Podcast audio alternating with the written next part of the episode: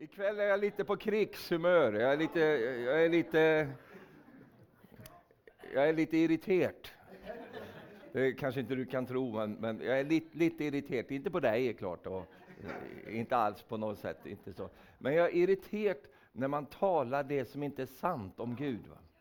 Det gör mig irriterad. Och, och, det hör väl till saken, jag fick lite, lite information, eh, och man får ju det ibland om människor som påstår saker om Gud som inte är sant. Det gör mig irriterad.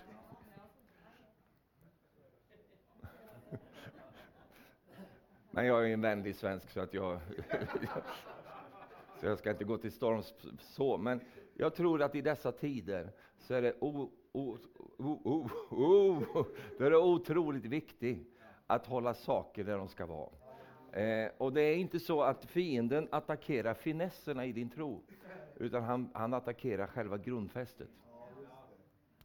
Det här liksom som är lite kosmetika som vi kan, kan, både ha och inte ha. Det finns alla möjliga sådana saker som liksom, de tål, tåler inte riktigt eh, eh, när det blir liksom skarpt läge.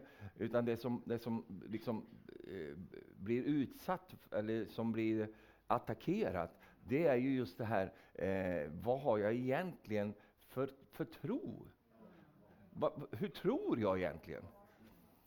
Och jag, jag, förvånas faktiskt lite grann eh, över det. Och redan under den här pandemitiden, och, och, innan det också, så fort det blir någonting som är lite sån eh, skummelt eller lite jobbigt, ja, då höjs det röster om att Gud är på färde och att han är trött på all, alla människor och nu ska jag minsann virusera dem så att de får så mycket corona så de... Och det, det ena löper efter det andra. Och det är män och kvinnor som i hans namn säger de sakerna. Och det är det som gör mig irriterad. Därför att om, om liksom vilken stolpnisse som helst säger saker, det, det får väl vara för dem. Men om man använder Guds namn och missbrukar det namnet. Därför hur, ska jag miss, hur missbrukar jag Guds namn? Jo, när jag talar och Guds vägnar som inte stämmer med Guds ord. Det gör inte bara mig irriterad, utan det gör Herren irriterad. Vad sa Gud om Jobs vänner? De som eh, var med honom där och, och gav honom alla möjliga tips och råd. Eh, och så den ena mer än den andra. Eh, då står det här, min vrede är upptänd mot Jobs vänner. Varför då? Därför att de har inte talat sant om mig. Och då gick han till rätta med dem, och, och, och, sättet han gjorde det på det var att, att Jobb fick gå in och, och be för sina vänner, och då upprättades allihopa.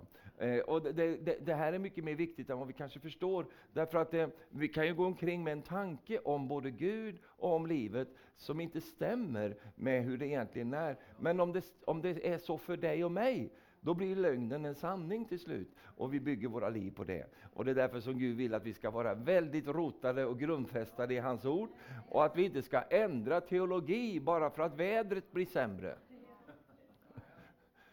Utan vi har samma eh, teologi, vi har samma tro i med och i motgång, i upp och i nedgång, i, i, i inne eller ute. Vi har samma tro på Gud, halleluja. Och, och den tron den handlar om att Gud är på ett visst sätt och djävulen är på ett visst sätt.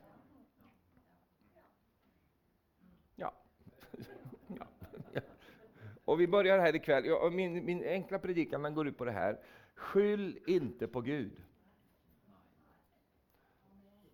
Det är svenska. Ge inte Gud skylden, kanske man ska säga då på norska. Skyll inte på Gud för allt dåligt som händer. Därför att Gud har ingenting med det att göra.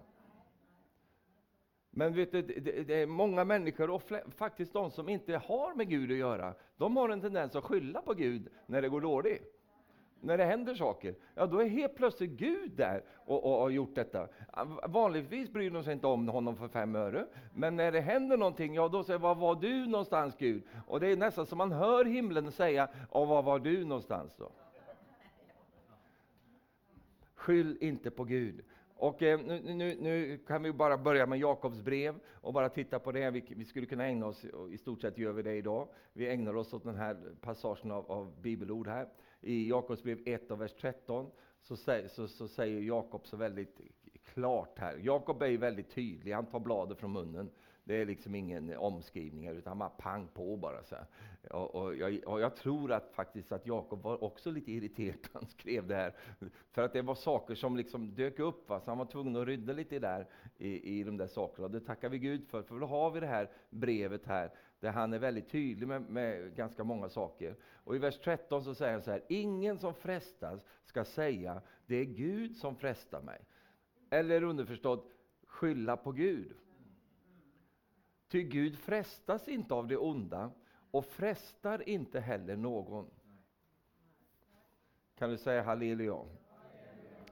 Var och en som frestas dras och lockas av sitt eget begär. När så begäret har blivit havande så föder det synd, och när synden är fullmogen så föder den död.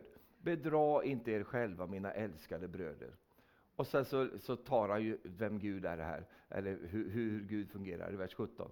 Allt det goda vi får och varje fullkomlig gåva är från ovan och kommer ner från himlaljus eller från ljusens fader hos vilken ingen förändring sker och ingen växling mellan ljus och mörker. Kan du säga amen? Det står en äldre svensk översättning som jag tycker är bättre. Det står idel goda gåvor kommer ner ifrån himlaljusens fader hos vilken ingen förändring äger rum och ingen växling mellan ljus och mörker. Idel, bara alltså. Bara goda gåvor.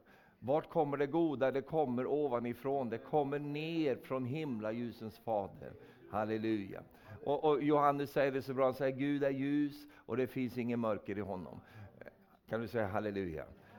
Så, så då har vi redan där sett var vi kan placera ljus och var vi kan placera eh, godheten. Den placerar vi hos Gud, det kommer ner från honom. Och så står det så här, det är, skifta, det är ingen skiftande skygge. Expertspråkgeni va? Det, det, det, skiftar inte, utan det, det är alltid konstant. Va? Och detta vänner, det är så viktigt, för vi lever i en värld som inte är konstant. Vi lever i en värld som förändrar sig hela tiden, och det går upp och det går ner och det händer ting. Men det finns en plats som aldrig förändras, och det är Gud själv. Han är alltid på samma sätt. Och var han god igår, så är han god idag. Och är han god idag, så är han, just det, god imorgon. Han är alltid på samma sätt. Jag, vet, jag hörde någon, någon, någon det, det, är alltid profetiskt också när de håller på så här. De ska kalla sig för profetiska.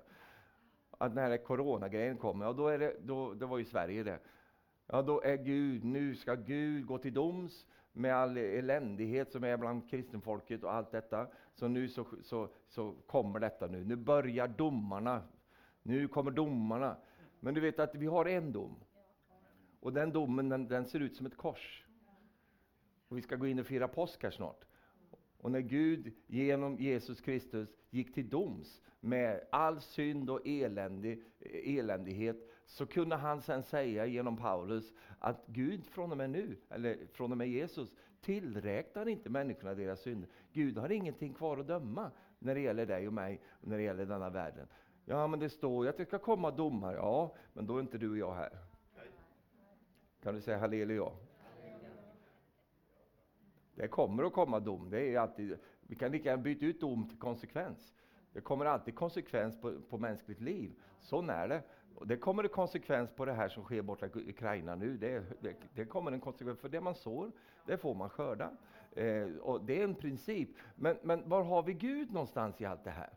Eh, och eh, då är det första vi ser, att Gud frestar inte någon.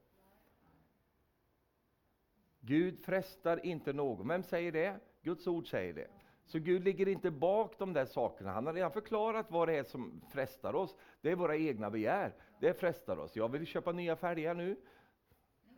Jag har en stark fest, festelse, frestelse till det. Det är ju vår. Då vill ju männen köpa nya fälgar och, hår, och kvinnorna vill byta peruken. Det, det är lite sånt. Vi, vi, vi är såna här vi män. Har jag köpt nya fest, har jag köpt nya fälgar? Nej. Varför då? Därför att Marie skulle ha däck till sin bil. Usch. Då får jag köpa mina gamla fälgar som är, som är ett år gamla. Jättegamla. Alltså, det är en del av publiken som förstår mig. Ni andra, vad, vad pratar han om? Ja, men det är så. Vi, vi har våra olika frestelser. Och, och, jag kan bli frestad av sånt där. Och, och, och sånt. Det drar igång. Va? Och är det där tillräckligt? Och det här är ganska oskyldigt. Va? Det drabbar inte dig ifall jag skulle köpa nya fälgar. Eh, det drabbar inte dig ifall jag köper en ny hund eller sådana saker. Men jag bara sa principen. Och det är ju det att, att det, det drar igång någonting. Och får den ligga kvar där så växer ju den. Och så är det med synden också, att den, den börjar i, i, en ganska ringa form som ett alternativ eller som en lockelse. Och ligger den kvar där, till slut blir den ju havande och till slut så föder den där fram någonting och då har vi konsekvensen där. Men, men då, då, det som jag pratar om ikväll, det är ju inte det, utan det är ju, var är Gud någonstans i allt det här? Han är inte någonstans där. Var, var, var är Gud? Nej, utan det är våra egna saker i vårt eget liv. Amen. Vet du vad, vet du vad Gud, han tycker att du är en myndig person. Även om du är hans barn, så är du ändå myndig och du är ansvars... Eh, liksom, eh, det finns ett ansvar på ditt liv. Eh, och det har Gud gett till dig och gett till mig. Och han går inte in och bara tar över. Därför att då blir han en förmyndare, men det är han inte. Utan han har gett dig någonting fantastiskt. En frihet att välja. Jag kan ju välja bort Gud och jag kan välja in Gud. Det är ju helt upp till mig. Det är inte upp till Gud, för han har redan valt. Han är redan färdig, han, han är klar. Han har valt mig. Men jag måste ju välja honom.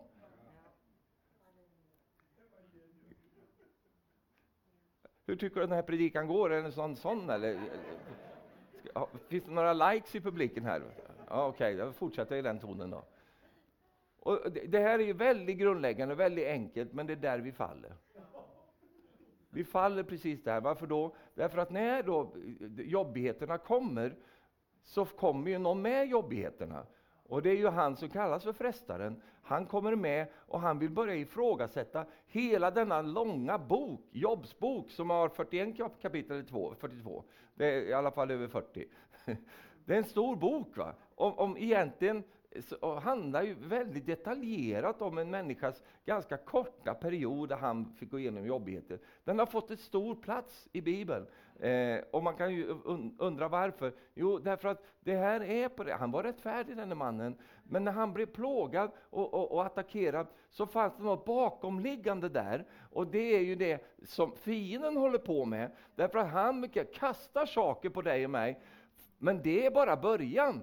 Utan vad han är ute efter, han vill sätta en kil mellan dig och Gud. Han vill få dig att börja tvivla på Gud och Guds godhet. Det är därför han, han liksom håller på att operera på detta sättet. Han är inte förnöjd med att bara liksom stjäla dina fälgar, utan han vill att du ska anklaga Gud för att du blev av med dem. Då har han lyckats. Och det är hela poängen med det. Och det var ju det som var Jobs liksom hela drama där. Och han var ju på vippen att tippa över där, när det bara blev elände på elände på elände. Men till slut så, så bara mötte han ju Herren där, och så insåg han ju vad lite han förstod om saker och ting. Och sen så upprättade Gud honom och, och allt blev härligt. Va? Den sagan slutade ju lyckligt, kan man säga. Och det, det gör din också. Kan du säga amen till det? Men Gud håller inte på på det sättet. Han, han, han, är inte aktiv i den rollen där, utan frestelsen har helt andra utgångspunkter. Och, och eh, Gud, det har vi pratat om, och, och pastor Arne brukar alltid säga det, Gud har alltid en lösning. Va? Han är den som är lösningen, va? han är aldrig problemet. Aldrig någonsin är han problemet, han är alltid lösningen. Men någon kan tycka att han är ganska passiv. Vad vet du om det? Alltså jag är ju pappa, jag har tre barn, eh, fyra har jag, men, men en, är, en är i himlen. Men, men jag har tre barn. Jag är väldigt aktiv pappa, även om jag inte är där. Va? Om, om de bara visste vad jag är aktiv och håller på, men de vet inte om det.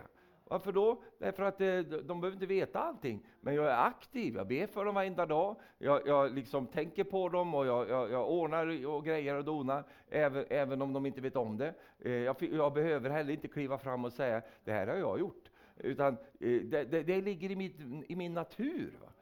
Och om jag är sån, är det för att jag är lik någon. Vem är du lik då? Jag har lärt mig honom. Han är väldigt mycket sån.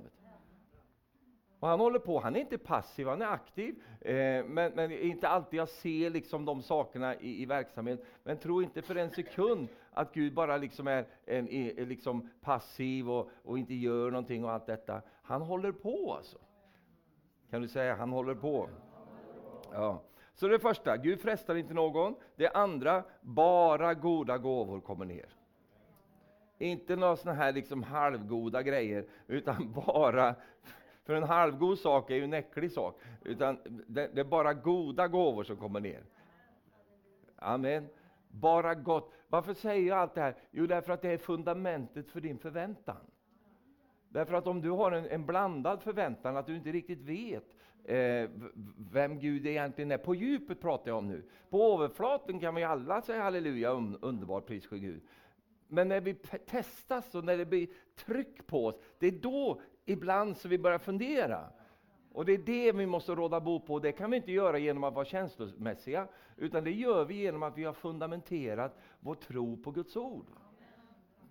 Det är då vi vet att, ja, ja, ja, eh, det är mycket problem, men de kommer inte från Gud. Därför att Gud kan inte skicka problem till mig, för det är ju inte gott. Och eftersom han bara skickar goda gåvor så kommer det inga problem från honom, utan det kommer gott ifrån honom. Amen. Nu är det inte alltid så att det kommer liksom rätt ifrån liksom himlen, bomt ner i ditt huvud, utan det kan komma liksom sån, och, men det kommer, det är skickat från himlen om man säger så. Då.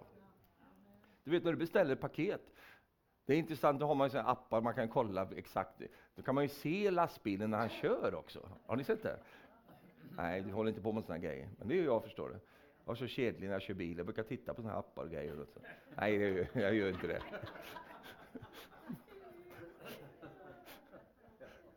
Marie brukar ringa mig. Du sitter inte och tittar i telefonen när du kör bil, Stefan?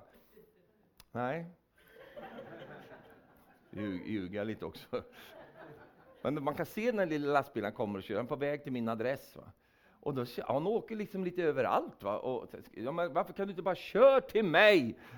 Jo, han är på väg. Vet du. Han, är, nere i Hamburg och sen uppe där. Och alla möjliga platser kommer. Men jag har ju beställt varan ifrån någon form av eh, liksom butik någonstans i Europa. Då. Och så kommer den körandes där. Och, så, och då kan jag bli väldigt... Nej han, nej, han är på väg bort! Han åker på, nej, men han tar den vägen bara för att han har en liten, han ska lasta av till någon annan där också. Så håller han på sig och till slut kommer han till mig. Och vet, när han kommer till, står jag på bron och väntar. Hur visste du att jag skulle komma? Jag har sett det hela tiden. Så. Hur visste du det? Jag ser det i appen. Du gick ut där och tog kissepaus där borta. Nej, jag såg det. Bara gott kommer från Fadern. Det här ska jag kunna mata på bara. Bara goda gåvor, bara goda saker kommer från Gud. Bara gott. Det här hjälper oss väldigt mycket när vi har så mycket ondskap. Det är massvis med ondskap överallt. Men det kommer ju inte från Gud. För, det, för han kan ju inte skicka något han inte har. Utan han skickar ju bara sånt han har. Och han har ju bara goda grejer, så han skickar ju bara gott till oss.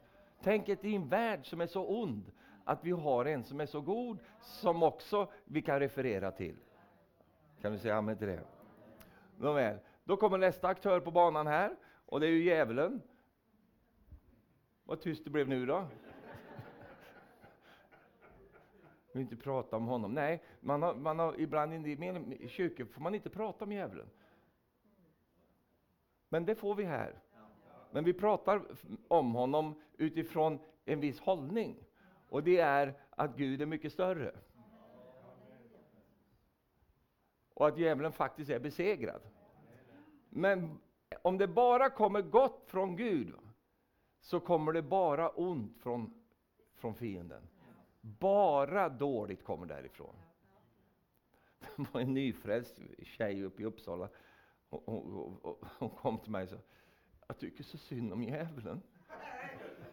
Men alla är så arga på honom hela tiden. Och så, ja, men du kommer att lära dig förstå varför. Så. Hon var helt nyfrälst, bara några dagar i tron. Så hon tyckte det var, ni, ni går emot honom och kastar ut och kastar bort honom, Han får inte vara med någonstans. Nej, det, nej, du kommer att förstå allt det där. Bara, bara var, var med här ett tag så kommer du, du kommer att fatta det här. Så, aha.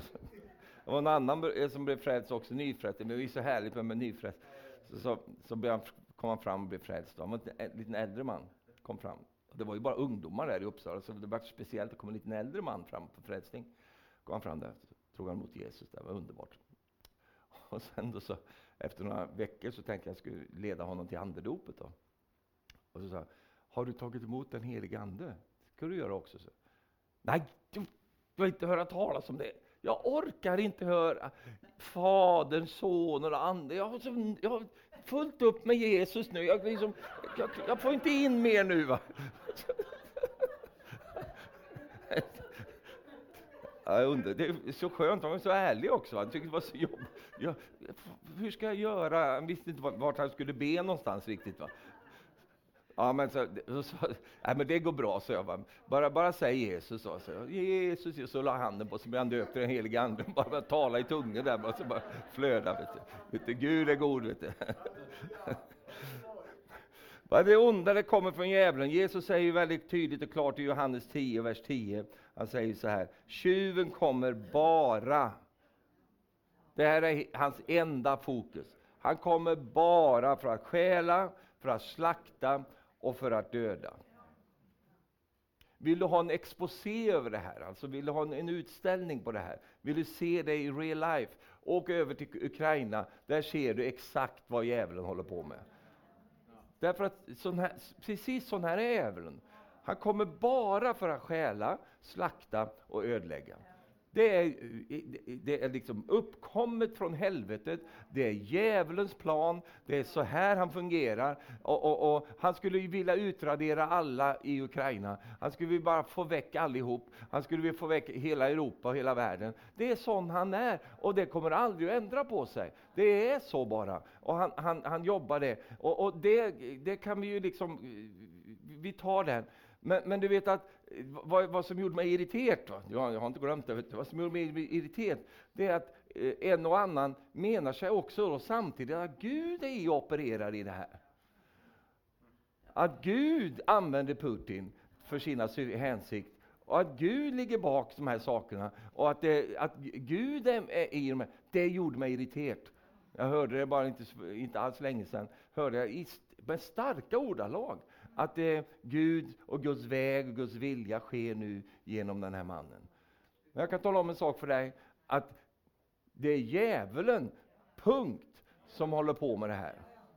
Gud har ingenting med det att göra, utan Gud önskar ju frid, han önskar glädje, han önskar människors väl, välmående, han, han hjälper människor. Och han, han, är den gode herden, för det säger Jesus själv här eh, i vers 11 jag läser klart först bara, slakta och döda. Jag har kommit, säger han, för att de ska ha liv, ja, liv i överflöd. Och över till Ukraina får du se hur mycket liv är det där i de här städerna nu som de har plundrat. Men Jesus säger, jag har kommit för att ge liv. Det är, jag är livgivaren jag, inte dödaren. Och så säger han i vers 11, jag, säger han, är den gode herden, geteren. Den gode geteren ger sitt liv för fåren.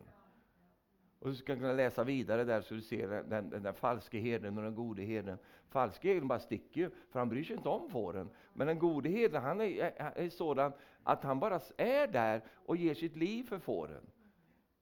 Amen. Halleluja. Det är sån Gud är. Nåväl, vi, vi går vidare då. Att, var, varför, varför ser det ut på det här sättet? Jo, det är en väldigt, väldigt enkel sak. Därför att Johannes säger hela den här världen är i den ondes våld. Det får vi inte glömma bort. Va? Du är inte i den ondes våld. Du är i Jesu Kristi våld. Amen. Men den världen som inte känner Jesus, som världen som, som definition, är i den ondes våld. Och det är därför vi måste, va, va, det är därför du måste tänka när du åker ut och kör bil. Du måste tänka när du går över gatan. Du måste tänka. Varför då? Därför att det, det finns ting som kan hända dig. Varför då? Därför att du, du opererar i en miljö som också kan vara ond. Va?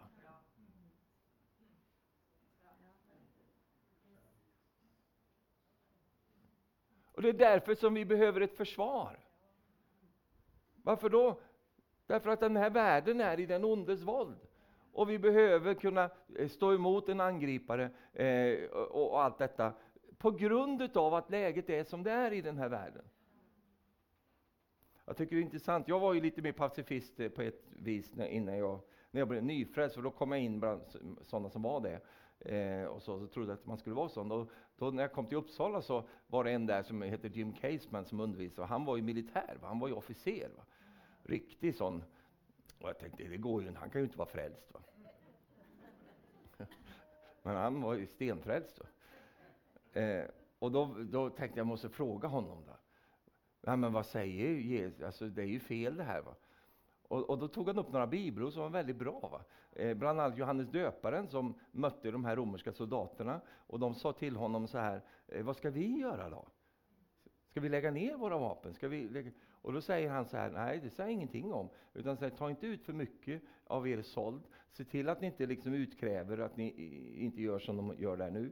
Utan var hedersamma soldater och gör det ni ska göra. Så han sa ingenting om de sakerna. Eh, och, och eh, Paulus, överheten bär inte svärd förgäves. Vilket betyder att, att det, det finns en, en, en, förståelse i Guds ord av att kontexten är ond. Va?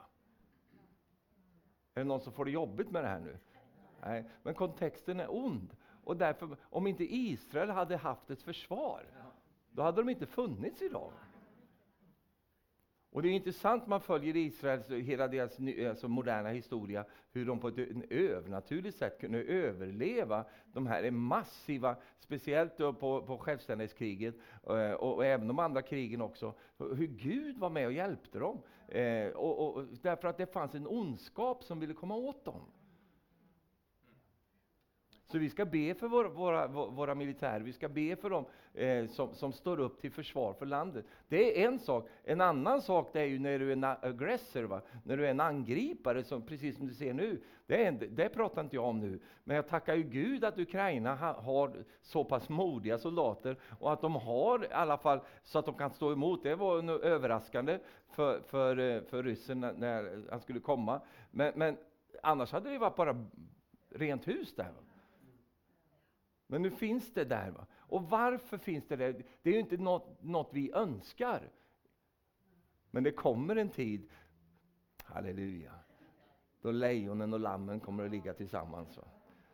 Då man ska smida om sina svärd till plogbillar och, och använda dem som jordbruksredskap istället. Va? Det kommer en sån tid, men den tiden kan bara komma när fridsfursten träder fram. Va?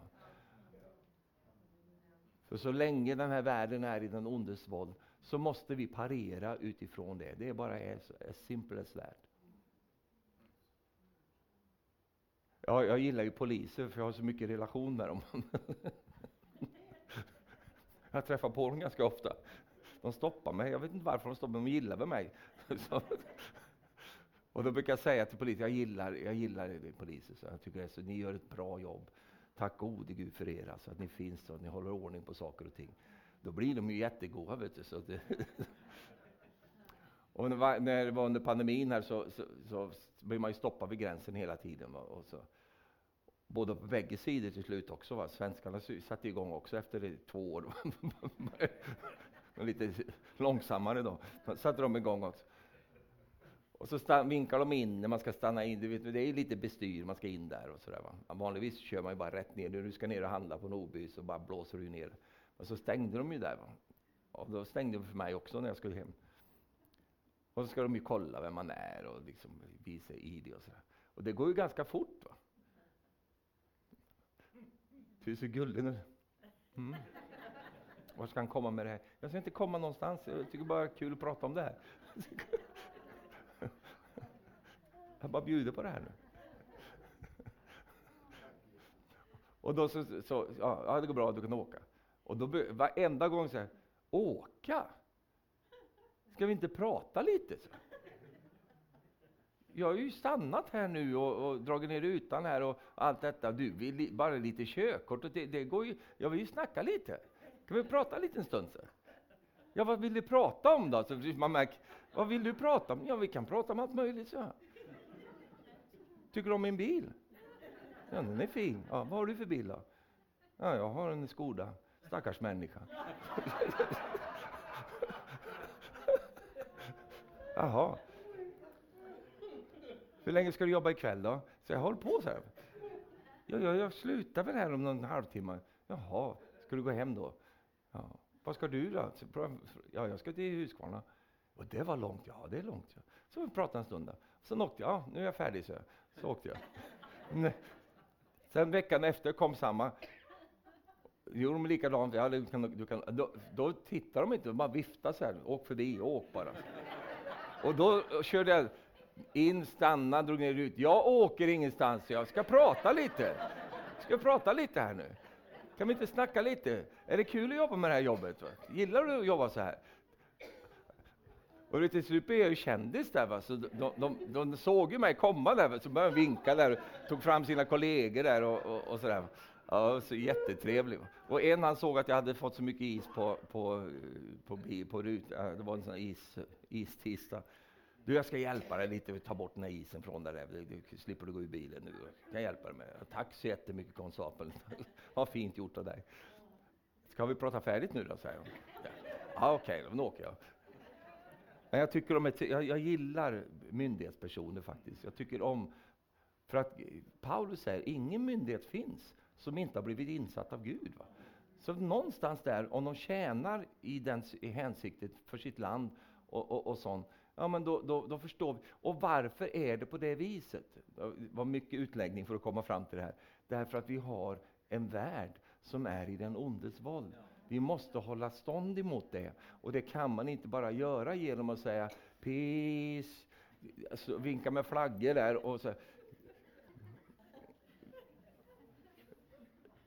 Utan det måste till en, en, en starkare makt. Va?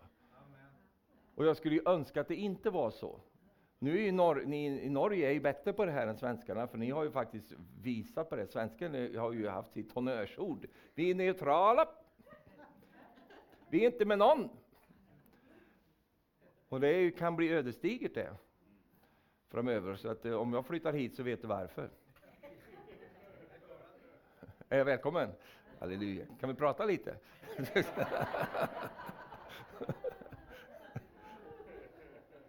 Det finns mycket, mycket, mycket mer att säga om allt det här, men jag går inte in på det nu. Utan eh, eh, bara vi har den förståelsen där, som Johannes säger, 1 Johannes 5, vers 19. Vi vet att vi tillhör Gud och att hela världen är i den ondes våld. Du säger, men vad, då hjälper du inte med Jesus då? Jo, det Jesus gjorde, mig är given all makt i himlen och på jorden. Vem kan få del av den auktoriteten? Jo, det är den som kommer in i honom. Det är de som säger jag är i Kristus Jesus. I Kristus Jesus, där finns det en fantastisk källa till beskydd, till allt detta goda. Och därför så kan du och jag leva i den här världen utan att vara av den. Och vi har andra, helt andra spelregler, vi har helt andra förutsättningar, vi har helt andra, liksom, ett helt annat utgångsläge. Vi är i det redan nu som kommer bli giltigt för alla här så småningom, när Jesus kliver fram och tar eh, liksom sätter den sista fienden på plats, eh, då, då han verkliggör allt detta. Men han har redan gjort det genom sin död på Golgata. Men genom att du och jag kan gå in i detta frivilligt genom tro, så kan du och jag komma in i ett liv, i ett levnadssätt, som inte är avhängig utav det som sker runt omkring oss. Kan du säga amen till det då? Halleluja. Så, så hur opererar fienden då? Jo, han går omkring, står det. Och han söker efter möjligheter att attackera. Peter talar om det här. Var vaksamma, säger han här i första Peter 5, vers 8. Var vaksamma, eller var nyktra och vaksamma. Er motståndare djävulen går omkring som ett rytande lejon och söker efter vem han ska sluka. Alltså, eh, och, så, och så går han vidare och säger så här, ta nästa vers också. Stå honom emot, fasta i tron. Ni vet ju att era syskon runt om i världen må genomgå de samma lidelserna. Vad är det för typ av lidelser? Jo, det är de som djävulen kommer med, inte Gud. Det är inte Gud som skickar de lidelserna, det är djävulen som plågar människor. Eh, och, och eh, det är han som kommer med de här sakerna. Och eh, vad gör vi då? Vi står honom emot. Va? Amen. Jag sa vi står honom emot. Men han, han har börjat versen där i vers 8 genom att vi ska vara nyktra, edru och vak. Alltså vi ska vara nyktra och vaksamma. Det finns ju någonting som kan drabba kristna, det är att man blir onykter.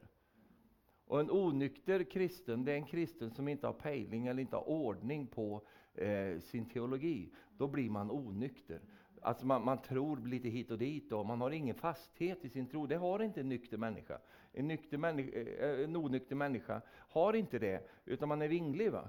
Och man, man vinglar från det ena till det andra. Och det kan vi inte vara i den här tiden, utan vi måste vara nyktra. Va? Se saker på ett, på ett rätt och riktigt sätt eh, och kunna urskilja vad det är som eh, håller på att hända där vi, nu när vi lever i det här. Nåväl, jag ska, jag ska gå vidare också. Det, om vi säger så här då. När jag lever mitt liv i Kristus, då är jag i ett beskydd. Va? Det finns ett beskydd där. Och eh, eh, Johannes säger det väldigt intressant, vi kan, skulle kunna utveckla detta, men, men eh, vi, vi, vi, nöjer oss med att bara läsa det här nu i 1 Johannes brev 5, vers 18. Vi vet att ingen som är född av Gud syndar. Han som är född av Gud bevarar honom. Så att den onde inte kan röra honom. Vad var det djävulen sa om Jobb? Jo, han sa om Jobb till Gud, han sa så här, ja men det är ju för att du beskyddar honom. Lämna ut honom till mig så ska du få se vad som händer. Men vet du vad? Det här är vad du och jag lever i när vi lever i Kristus Jesus. Då, då, då, finns det någonting där som gör att den onde inte kan röra vid mig. Han kommer inte åt mig. Han vill komma åt mig, men han kommer inte åt mig. Varför då? Därför jag vandrar under kärlekens baner. Va? Och när jag vandrar under kärlekens baner så, så, så når inte fruktan mig. Och fruktan är det primära angreppsvapnet som fienden har. Att när, när jag är rädd, när jag, när jag fruktar, då får han en ingång i mitt liv och sen så kommer han med sina ödeläggelser. Men om jag lever i kärleken så har jag ingen fruktan och, och, och, och då kommer han inte kunna röra vid mig. Halleluja. Jag sa att han kommer inte kunna röra vid mig. Och det är, ja, det är en beskrivning egentligen bara för att säga eh, det som vi har använt många gånger i undervisningen. Det är att leva sitt liv i Kristus Jesus. Att jag, jag lever där med min, min tillit, jag lever där med min identitet, jag lever där med, med hela, mitt, hela mitt liv, så, så har jag liksom eh, bäddat in mig själv där. Där lever jag med mitt liv. Och då kommer lite resultat av det, eller frukter. Eh, det, det kommer rättfärdighetsmedvetande, det kommer glädje, det kommer frid eh, ut ur en sån plats när vi lever i Kristus Jesus. Halleluja. Och därför så är det ju också så att när jag då upplever att jag börjar tappa glädjen, jag börjar tappa friden, jag börjar tappa det, då, då måste jag fråga mig själv, inte vad jag gör, utan var jag står. Var står jag nu någonstans? Nu, nu är jag helt plötsligt inte glad längre. Vart tog glädjen vägen? Nej, det är inte glädjen du behöver leta efter, utan det är var, var flyttade jag mig? Var har jag, har jag, jag har flyttat mig helt enkelt. Därför att i Kristus Jesus, där flödar Guds glädje, där flödar friden, där flödar rättfärdigheten. Allt flödar där, halleluja. Och där, där känner jag också att jag är beskyddad. Men när jag börjar bli orolig, osäker, eller jag, alla, alla de där sakerna, då har jag liksom tagit mitt tält och flyttat det närmare Sodom. Det var en kraftig bild, men, men du förstår poängen här. För det står ju att Lot flyttade sitt tält hela tiden närmare Sodom. Han har flyttade bort ifrån den trygga platsen som var löftet som Gud hade gett till Abraham. Han flyttar bort ifrån det löftet och så hamnar han där till slut. Och, och där var massa elände. Eh, som, jag, brukar, jag har ju sagt det förut också, Lot hade ju massa problem som Abraham inte visste något om. Han hade inga problem med de sakerna som Lot kämpade med. Varför då? Platsen. Han var på en annan plats. Och det kommer du och jag få upptäcka i livet, att eh, mitt i, i omständigheter så du tänker, kära gode Gud, wow, vilka omständigheter jag står i just nu och ändå har du frid, ändå har du glädje, ändå känner du, oh det bär det här. Varför då? Därför att du är i Kristus Jesus, du är i honom.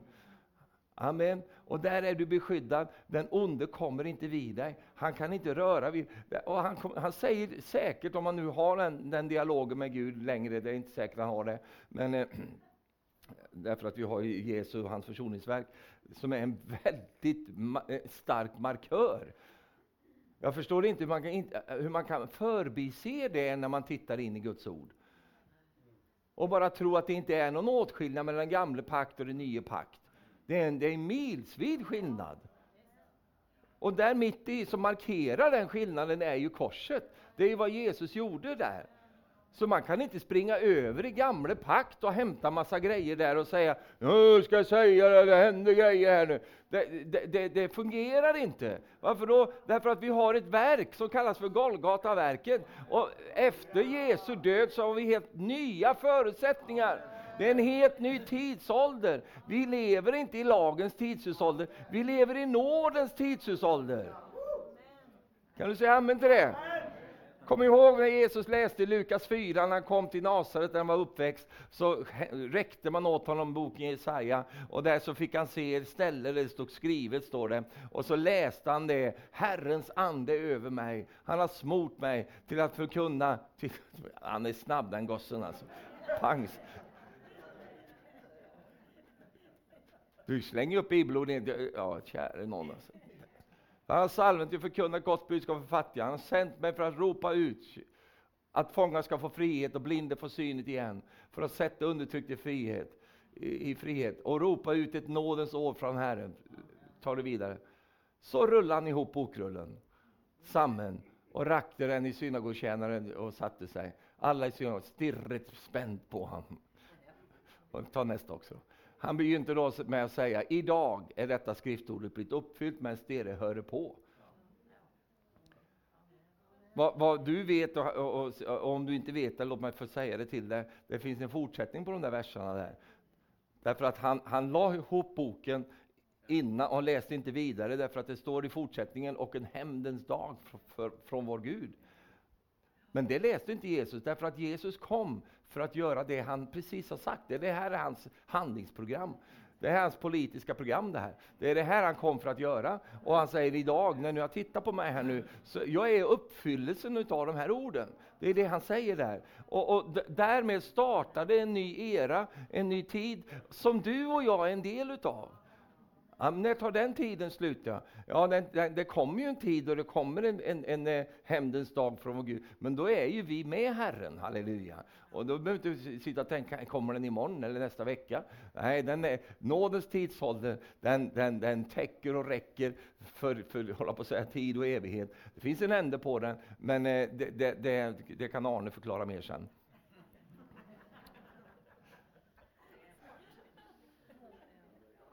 För nu lever vi inte i, det är inte så att nu helt plötsligt så kan man börja förhandla om det. Och ja, nu är, det, nu är det nog inte riktigt så att nu, det är det jag menar, att man, man kör rätt förbi korset va? och rätt ner i det som för det första aldrig har gällt oss. Lagen var inte skriven till hedningarna, det har aldrig gällt oss. Eh, och så ska, åker vi ner där och så hämtar vi massa ammunition för att skjuta sönder kristna och säga till dem att det är Gud är arg på dig, förstår du. Bula, bula där, akta dig du, han kommer att ta dig. Och så har vi ett kors som vittnar om någonting annat. Att Gud har i Kristus Jesus dömt synden en gång för alla. Kan du säga amen till det? Men när du tar resan till Gamla testamentet, Gamla pakt, ta den genom korset och titta på de här skrifterna, för jag älskar ju Gamla testamentet. Jag läser det ofta, nästan mer än det nya faktiskt, därför att det är ju mer också. Det blir naturligt, en stor del. Och då ser jag, ibland så jag säger halleluja, tänk vad jag, underbart vad jag, mycket grejer jag slipper. Alltså alla dessa grejer de skulle äta och inte äta. Och alltså, kedlig mat. Har du, har du ätit koshermat? Du har varit i Israel och ätit koshermat? Den är inte god alltså. Jag, jag, inte min smak i alla fall. Jag åker över till araberna och käkar sådana grejer. Alltså, lite mer spicy. Men, men det här liksom, koshergrejerna. Och judarna är ju så finurliga också. För de ska ju ändå försöka upprätthålla det här. Va? Men du vet att så fort det finns en lag så finns det ett sätt att komma runt den. Va? Och då judarna är därför så många judar är advokater och jurister. Va? De har lärt sig lagen. Vet. De kan hur ska vi trixa runt det här. Så de låter hedningarna trycka på sabbatshissen. Va? Vänta på någon. va. Så kan de åka med. Så får man gå in och trycka så kan de åka upp. Du vet sabbatshissar som, som tar evigheter innan de kommer upp. Va? så låter de hedningarna göra det besväret och göra de sakerna. Så de hittar på lite olika sådana grejer. Så är det alltid med lagen. Va? Att det, när, så fort det finns lag så finns det överträdare. Det finns det här kryphål och, och sådana saker man kan hålla på med. Men vet du vad? Jag har blivit befriad från allt det här. Jag står inte under lagen, jag står under nåden. Och nu ska jag säga något radikalt till er. Och den är mycket strängare än vad lagen var. Jo, för den har ett fostrande element i sig. Den fostrar mig. För den, den får mig att känna så här, jag är helt avhängig av den här nåden. Därför att så fort jag går utanför den här nåden så blir jag en förfärlig människa. Men tack och lov så kan jag leva i den här nåden, så, så då kan jag vara barmhärtig som han är barmhärtig. Jag kan vara kärleksfull så som han är kärleksfull. Jag, kan, jag får förutsättningarna helt enkelt, men den fostrar mig. Därför att den pekar mig hela tiden mot Jesus och visar på hans fullkomlighet och visar på vem jag är i honom och allt detta. Och, och den, den lyser fram på saker i mitt liv, så det är inte det att det var inget ord alltså, utan det var, det var andra grejer. Det är inte det att, att, att nåden är liksom en sån här, ja, du, du har liksom frisedel, du kan göra vad du vill va, och hålla på. Då har man inte förstått nåden, utan nåden är ju någonting helt annat. Va? Den, den, den, den ger mig kraften att kunna göra det som jag borde göra. Halleluja. Och den får mig över från att jag måste till att jag vill. Det är en väldig skillnad på det. Vet du. Inte att nu måste jag göra detta, nej men nu vill jag göra detta. Jag står på en helt annan plattform. Och det är ju det här som är det evangelium som Jesus kom för att sätta igång, och det som Paulus sen fick uttrycka på ett skönt och vackert sätt, när han, han liksom klädde detta i ord, och hur det fungerar. Där lever du och jag. Om så hela världen rasar omkring och är galen och håller på med alla grejerna, så står jag ändå fast där att Gud är fortfarande god, att nåden fortfarande gäller, att jag är fortfarande hans favorit. Och, och, det spelar ingen roll vad som händer runt omkring mig, därför att jag har honom i mig och han kommer att leda mig fram till den plats jag vill, han vill att jag ska komma till. Kan du säga amen till det? Halleluja. Prisat vare Herrens namn. Så, så, åh, oh, labba shikiri. Jag, jag, ja, Kirosi. Jag är fortfarande lite irriterad över de här utsagorna. När man, när man, när man i, mitt, I min värld så är det att man, man faktiskt hävdar Gud va, när, man, när man säger på det sättet. När man talar i stick och stäv mot vad Guds ord säger. Och jag sitter, står inte här och, och, och, och, menar att jag har alla rätt. Det, det mesta har jag rätt i, men, men en, det finns en annan lite finess, jag kan vara lite fel. Men grundläggande så är det bara så här. Varför kan jag vara så frimodig nu? Jo, därför att jag har ju hela Bibeln med mig i det här. Jag har ju Guds ord när jag står bakom detta. Vi kan ju inte göra Guds ord om intet, bara för att världen går, goes goes bananas. Det kan ju inte vi bara ändra Guds ord och, och bli bananas vi också. Nej, utan vi fortsätter att tro det som vi har trott hela tiden. Halleluja! Alltså vi fortsätter att tro det vi har trott hela tiden. Amen! Halleluja! Och håller fast vid de sakerna, därför att det kommer vara din och min stora garanti i den tid som vi går in i. Du säger, men tänk, ja, men tänk om det blir krig och elände här i Norge och Sverige. Ja, det kanske det mycket väl kan bli. Eh, som vi har inga löften om att det inte skulle bli det. Men, men om det så skulle bli det, att det inte finns brist på mat och brist på diesel och brist... Ja, men du vet att Gud har alltid sett till att ordna för sitt folk. Och du hörde idag att vi, vi är ju i Gosen. Va? Där är det väldigt gosigt att vara. Det säger man i Sverige. Ska vi gosa lite? Det får du bara säga till din fru. Men, men det är gosigt här va? Det kommer ifrån. Det måste ju komma därifrån. Landet Gosen. Och där var det mörkt i hela Egypten, och det var jätteljust i, i Gosen. Va? De hade köpt upp alla halogenlampor på Jula som fanns. Va? Det var, var gosigt där. Det, var elände runt omkring, men i Gosen, där var det fint. vet du. Halleluja.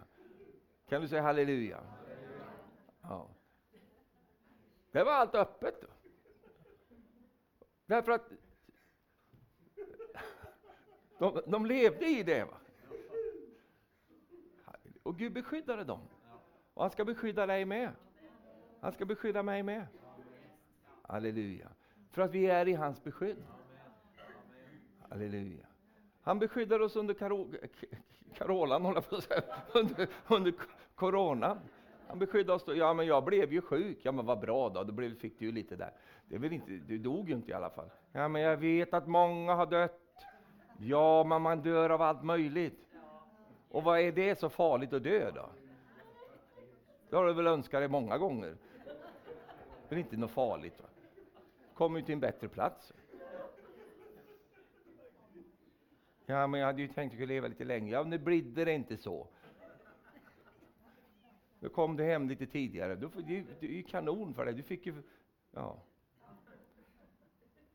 Menar att man ska gå och dö också? Men någon gång kommer ju det att ske.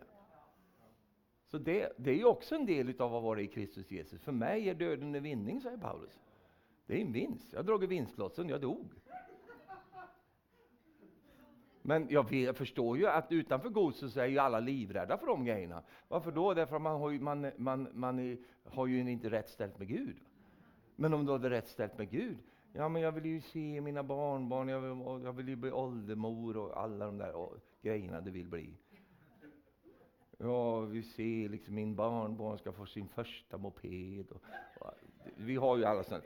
Ja, men det kan han ju få upp i himlen. Får åka moped där uppe hur mycket han vill. Ja, men vi har ibland så här begränsade tankar, va? så vi tänker så jordiskt. Fast vi låtsas att vi är himmelska, så tänker vi ändå så väldigt jordiskt. Det tänkte jag också när jag var eh, yngre. jag var så, du vet, man var, för då var jag inte gift, hade inga barn. Och inget, så bad jag till Gud så här, Åh Jesus, jag ber att du inte kommer än. Förrän jag har fått bli gift och fått barn. Nej, först att jag får ta körkort. Det var det första. Det var viktigare än att bli gift. Jag får körkort, jag får, för jag hade redan köpt bil. Va? Så jag måste få köra med den lite. Så får körkort, och jag blir gift. För så här kan du komma. Nej, så här, nej, man måste komma ihåg hur jag var. Jag ber att du inte kommer förrän jag är över 25. För då är livet ändå slut.